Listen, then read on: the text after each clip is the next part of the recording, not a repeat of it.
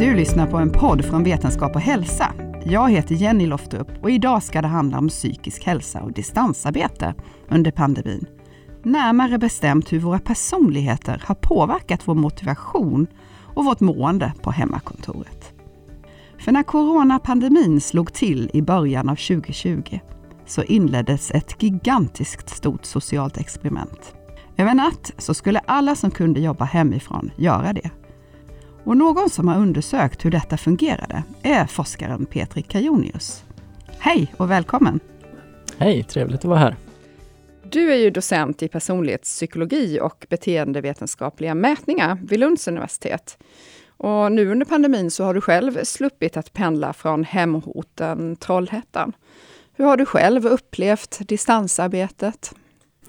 Ja, jag råkar ju vara av en introvert läggning så jag har ju njutit. Alltså jag tycker det har varit fint att få bestämma över sin tid och hur mycket man är hemma och hur mycket man är borta och sådär. Så jag hör ju till dem som är väldigt nöjd med situationen utifrån ett personligt perspektiv. Då. Det var intressant. Lite längre fram kommer du ju att motsäga det här. Lite kanske. För tillsammans med forskaren eh, Mårten Westberg och Stefan Tengblad har du gjort rapporten Hemarbete.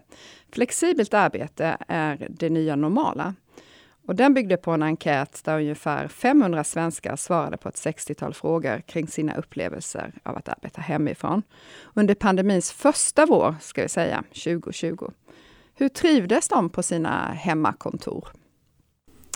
Ja, till att börja med så är ju svenska folket överlag enligt datan väldigt nöjd. Eh, runt 85 procent kryssar i på de här mätningarna att de tyckte det var bra eller mycket bra.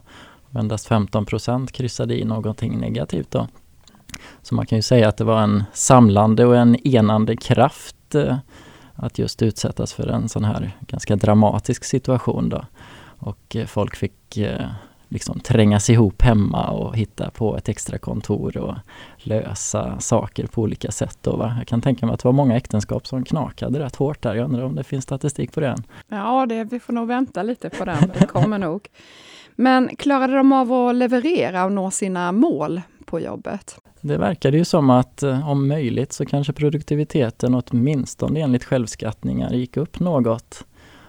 Och eh, man hade egentligen bara förlorat den här samarbetesaspekten då. Men just leverans av ens individuella roll på jobbet verkade ju fungera utmärkt. Och kanske överraskande utmärkt. Men du säger att det är självskattning, så det finns inga siffror där arbetsgivarna säger att de levererade det de skulle? Inte som jag känner till och det är ju ett av de stora problemen inom arbetspsykologin att hitta mått som är valida på just prestation. Då. Så kanske om man ringer upp någon mobiltelefonförsäljarfirma eller någonting, att man skulle få mer objektiva värden på hur det har gått och sådär.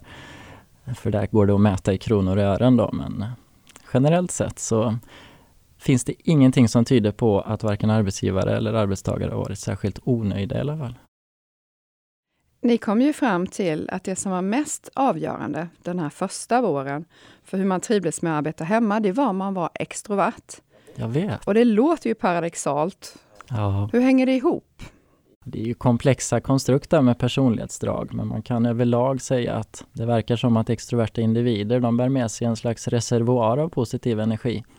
Och när just den här pandemin slog till och det blev sådana dramatiska förändringar i arbetsförhållanden så var det de som skattade sig nöjdast och mest motiverade i sin arbetssituation. Då.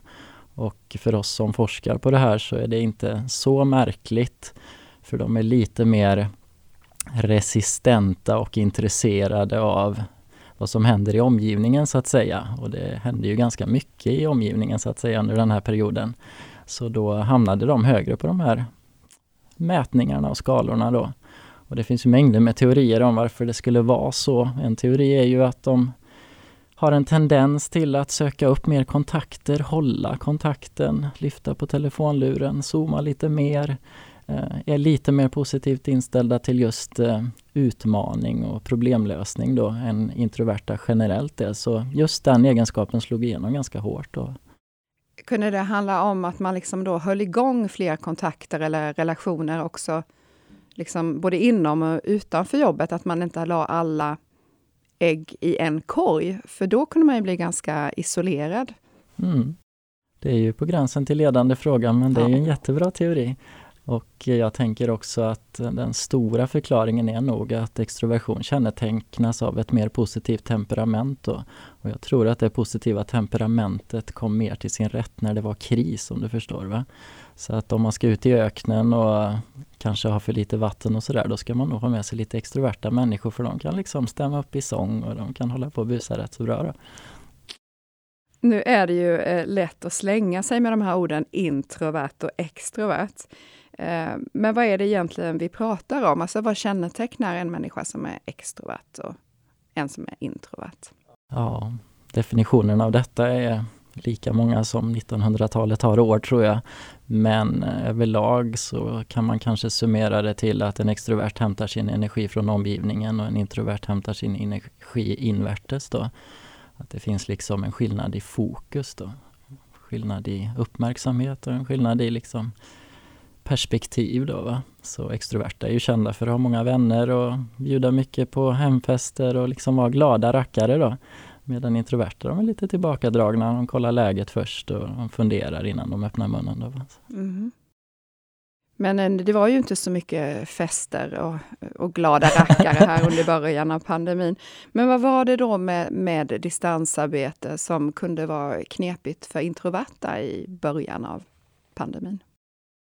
Ja, samma saker som hos alla andra tror jag. Att eh, få ihop logistiken, få ihop den nya situationen, veta hur man ska förhålla sig, veta i vilken mån folk är tillgängliga, om cheferna går att nås. Allting var ju osäkert så att säga. Så det går inte att säga några särskilt bra generella saker om just introverta där utan jag tror alla drabbades ganska olika helt enkelt beroende på omständigheter. Då. Det som var så spännande i vår undersökning som jag bedömer det, det var ju att alla de här objektiva måtten på hur många kvadrat man har hemma eller hur långt man har till jobbet eller vad man har för ekonomisk status och sånt verkade inte slå igenom alls på hur nöjd man var med jobbet eller hur motiverad man var. Utan det var de subjektiva psykologiska värderingarna som slog igenom hårt och det är därför vi pratar om extroversion nu till exempel. Det var ett personlighetsdrag som syntes tydligt. Och, eh, men, eh, men trångboddhet, tänker man, ja. det är ju överraskande. Spelar inte trångboddhet eh, roll? Inte i början i alla fall. Det verkar som att det nu mot slutet har börjat spela lite roll. Vi samlade in lite data i våras och där fick vi en liten effekt av just square meter, alltså hur mycket yta man har till förfogande för sitt lilla hemmakontor och så vidare. Antalet medlemmar i familjen verkar fortfarande inte slå igenom riktigt och sådär. Och, absolut inte på de nivåer man skulle kunna förvänta sig då att det spelar riktigt stor roll. Nej, men det var något annat som spelade roll och det var eh, familjesituationen i övrigt. Ja. Hur de andra som var hemma Precis. trivdes. Det kunde ju vara en gymnasieelev eller en student som hade flyttat hem, eller en partner eller det är bra att du tar upp det. Det är en sån typisk subjektiv variabel, alltså partnerns trivsel eller barnens trivsel. Det, det korrelerade och samvarierade ganska hårt med hur man själv upp, upplevde situationen. Och det är väl inte så svårt att förstå. Alltså det nya jobbet blev ju de nya kollegorna på jobbet blev ju familjen överraskande långtgående, eller hur? Och då är det viktigt att de trivs för att man själv ska trivas. Och precis så är det på jobbet. När osämja och otrivsel börjar så sprids det ganska så snabbt. Då. Så. Handlar det om koncentrationsmöjligheter? Att man har svårt att fokusera på sitt jobb om det är något som inte mm. stämmer?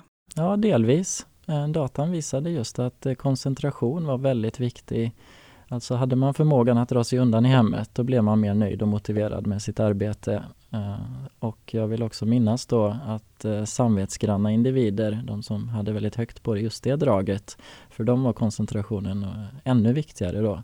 Så hade de inte möjlighet att dra sig undan så blev det lägre skattningar. Då. Mm. Så vi är olika, folk drabbas olika, det är liksom så, så det är hela tiden tycker jag. Ja, våra olika personligheter har ju spelat eh, stor roll då för hur vi har mått under pandemin.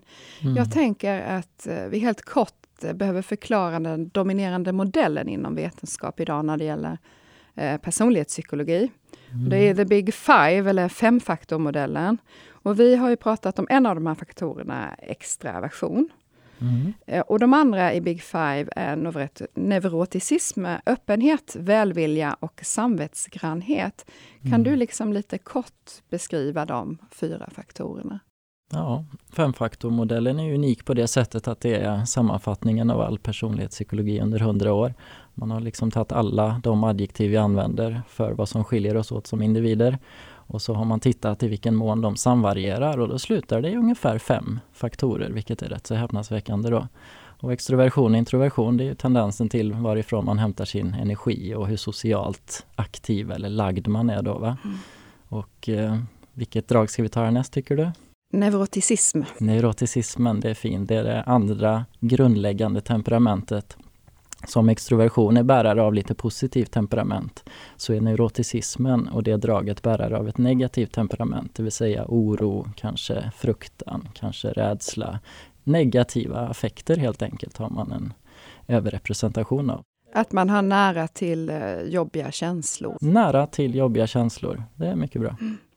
Och eh, öppenhet då? Öppenhet, det är det draget som är nyfiket och intresserat och utforskande. Då. Eh, öppenhet kan man ha mot idéer, mot värderingar, mot känslor. Till exempel på psykologprogrammet jag undervisar så karaktäriseras de flesta studenter av öppenhet för känslor. Mm -hmm. Openness to emotionality har alla maxad, vilket är ganska vackert att se. och sen har vi då välvilja eller vänlighet. Ja, och välvillighet är det bästa ordet där, för att det handlar inte så mycket om vänlighet, utan det handlar om attityden du har mot människor i din närvaro och din omgivning. Så en välvillig person, det är den som vill vara empatiskt lagd, som vill se att alla har det bra, som vill se att alla är med på båten, att ingen är lämnad utanför. Alltså, det är en drivkraft till att se till att andra har det bra då. Det är en välvillighet. Då. För det är förstås glidande skalor vi pratar om. Verkligen. Så det är hur mycket man drivs av Hur mycket man är det av något. Och man brukar använda percentiler för det, liksom mellan 0 till 100 ungefär. Att var någonstans på i jämförelse med 100 andra befinner du dig på detta drag. Det brukar vara det mått man använder. Och eh, samvetsgrannhet? Samvetsgrannhet är ju arbetsgivarens eh, glada personlighetsdrag. Eh, människor som gör vad de blir tillsagda, människor som är lojala mot sin uppgift och helt enkelt. Det blir en uppgiftsorientering helt enkelt. Och alla har en nivå av de här fem dragen då. Så ingen ska gå härifrån och tro att jag har det men inte det, utan alla har denna konstitution. Men frågan är hur mycket du har av respektive nivå. Det är det som gör femfaktormodellen lite intressant. Då. Ja, och det är intressant att tänka utifrån den när ni sen följde upp er första studie på hur man mådde i distansarbetet med en ny enkät ett år senare. Och då var det våren 2021. Och vilka var det nu som trivdes och var motiverade på jobbet? Ja, och um, den eh, uppföljande undersökningen där, eh, den är ju behäftad med lite metodproblematik och sådär som vi kanske inte behöver gå in på just nu. Men överlag kan vi väl säga att det var de samvetsgranna som hade landat i en arbetsmotivation då. Då hade ju pandemin på något sätt spelat ut sina regler och man visste ungefär vad man skulle förhålla sig till då. Och eh, då var det en ganska stark, en överraskande stark effekt ifrån min sida tyckte jag.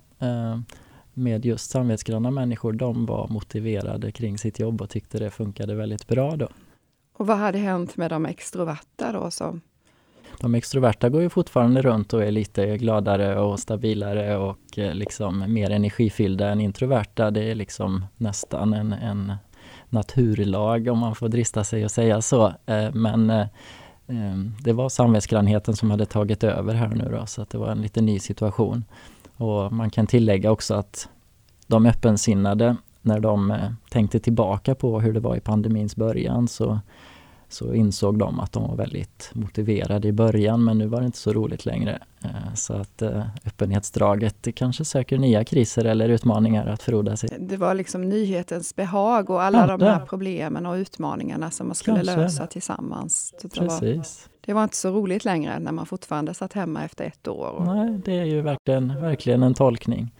Så öppenhetsdraget slog igenom i början på pandemin, det såg vi. Eh, det blev inga riksnyheter av det, för extroversion och introversion är lite lättare att förstå kanske, men så såg det ut. Och det nya normala verkar vara här för att stanna, för trots att restriktionerna har lättat så vill ju de flesta fortsätta jobba delvis hemifrån. Många fyller dagarna med digitala möten och Zoom-trötthet har blivit oj, ett oj. begrepp. Mm. Vad är det som är så tröttande med digitala möten? Ja, har du provat själv alltså? Det är ju verkligen jobbigt på någon nivå, är det inte det? Ja, nej men vad är det som är så jobbigt? Det är väl att det är så många sinnen som fråntas oss på någon nivå. Alltså det är den här känslan och lukten och smaken av människor, närvaron, atmosfären liksom.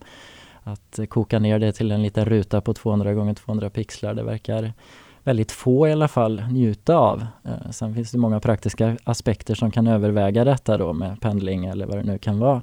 Eh, men det är väldigt få som verkar gilla det som baseline, att stirra in en ruta hela dagen. Eh, vi gjorde någon studie på det också i våras och det var lite intressant att se hur det neurotiska draget kom fram ganska tydligt och det verkade som att neuroticismen korrelerade med hur mycket man tittade på sig själv i kameran. Är det sant? Jag vet. Och eh, det är ju slitsamt då eh, att hela tiden studera och vara självmedveten samtidigt som du ska ha koll på alla andras reaktioner och ansikten på ofta små skärmar. Då. Men var det lika tröttande för alla?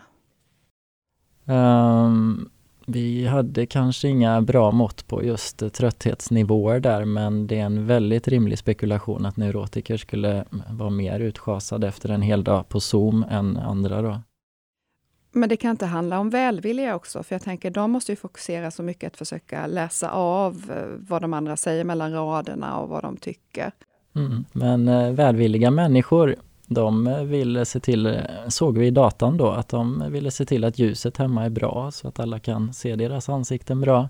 Välvilliga människor, säkert spekulativt, hade också slitsamma dagar när de försöker läsa av alla normer och följa alla, alla små signaler som, som kan läcka igenom rutan då. Så att du har nog helt rätt där.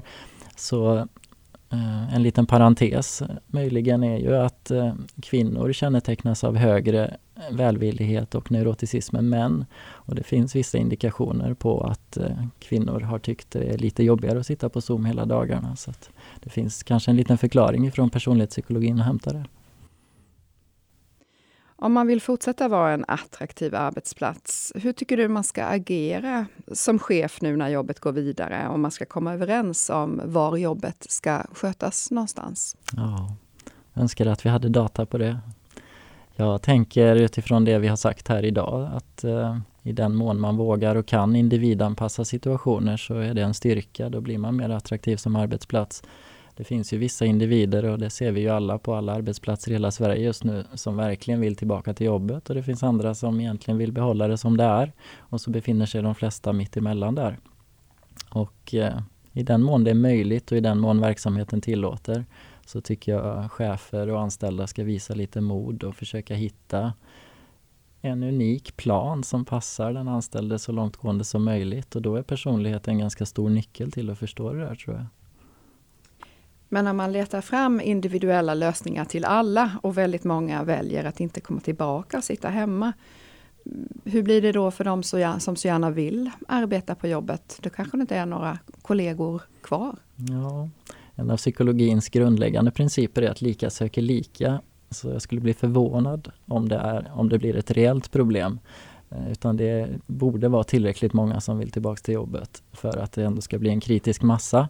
Eh, sen finns det säkert undantag, hur många som helst, men generellt sett så borde det fungera. Och det här får runda av den här podden om psykisk hälsa och distansarbete under pandemin. Om du har blivit nyfiken på personlighetspsykologi och the big five så kan vi tipsa om boken Vem är du? som Petri Kajonius har skrivit tillsammans med Anna Dådeman. Och du som vill lyssna på fler poddar från Vetenskap och hälsa hittar dem på vetenskaphalsa.se. Tack för att ni har lyssnat. Hej då.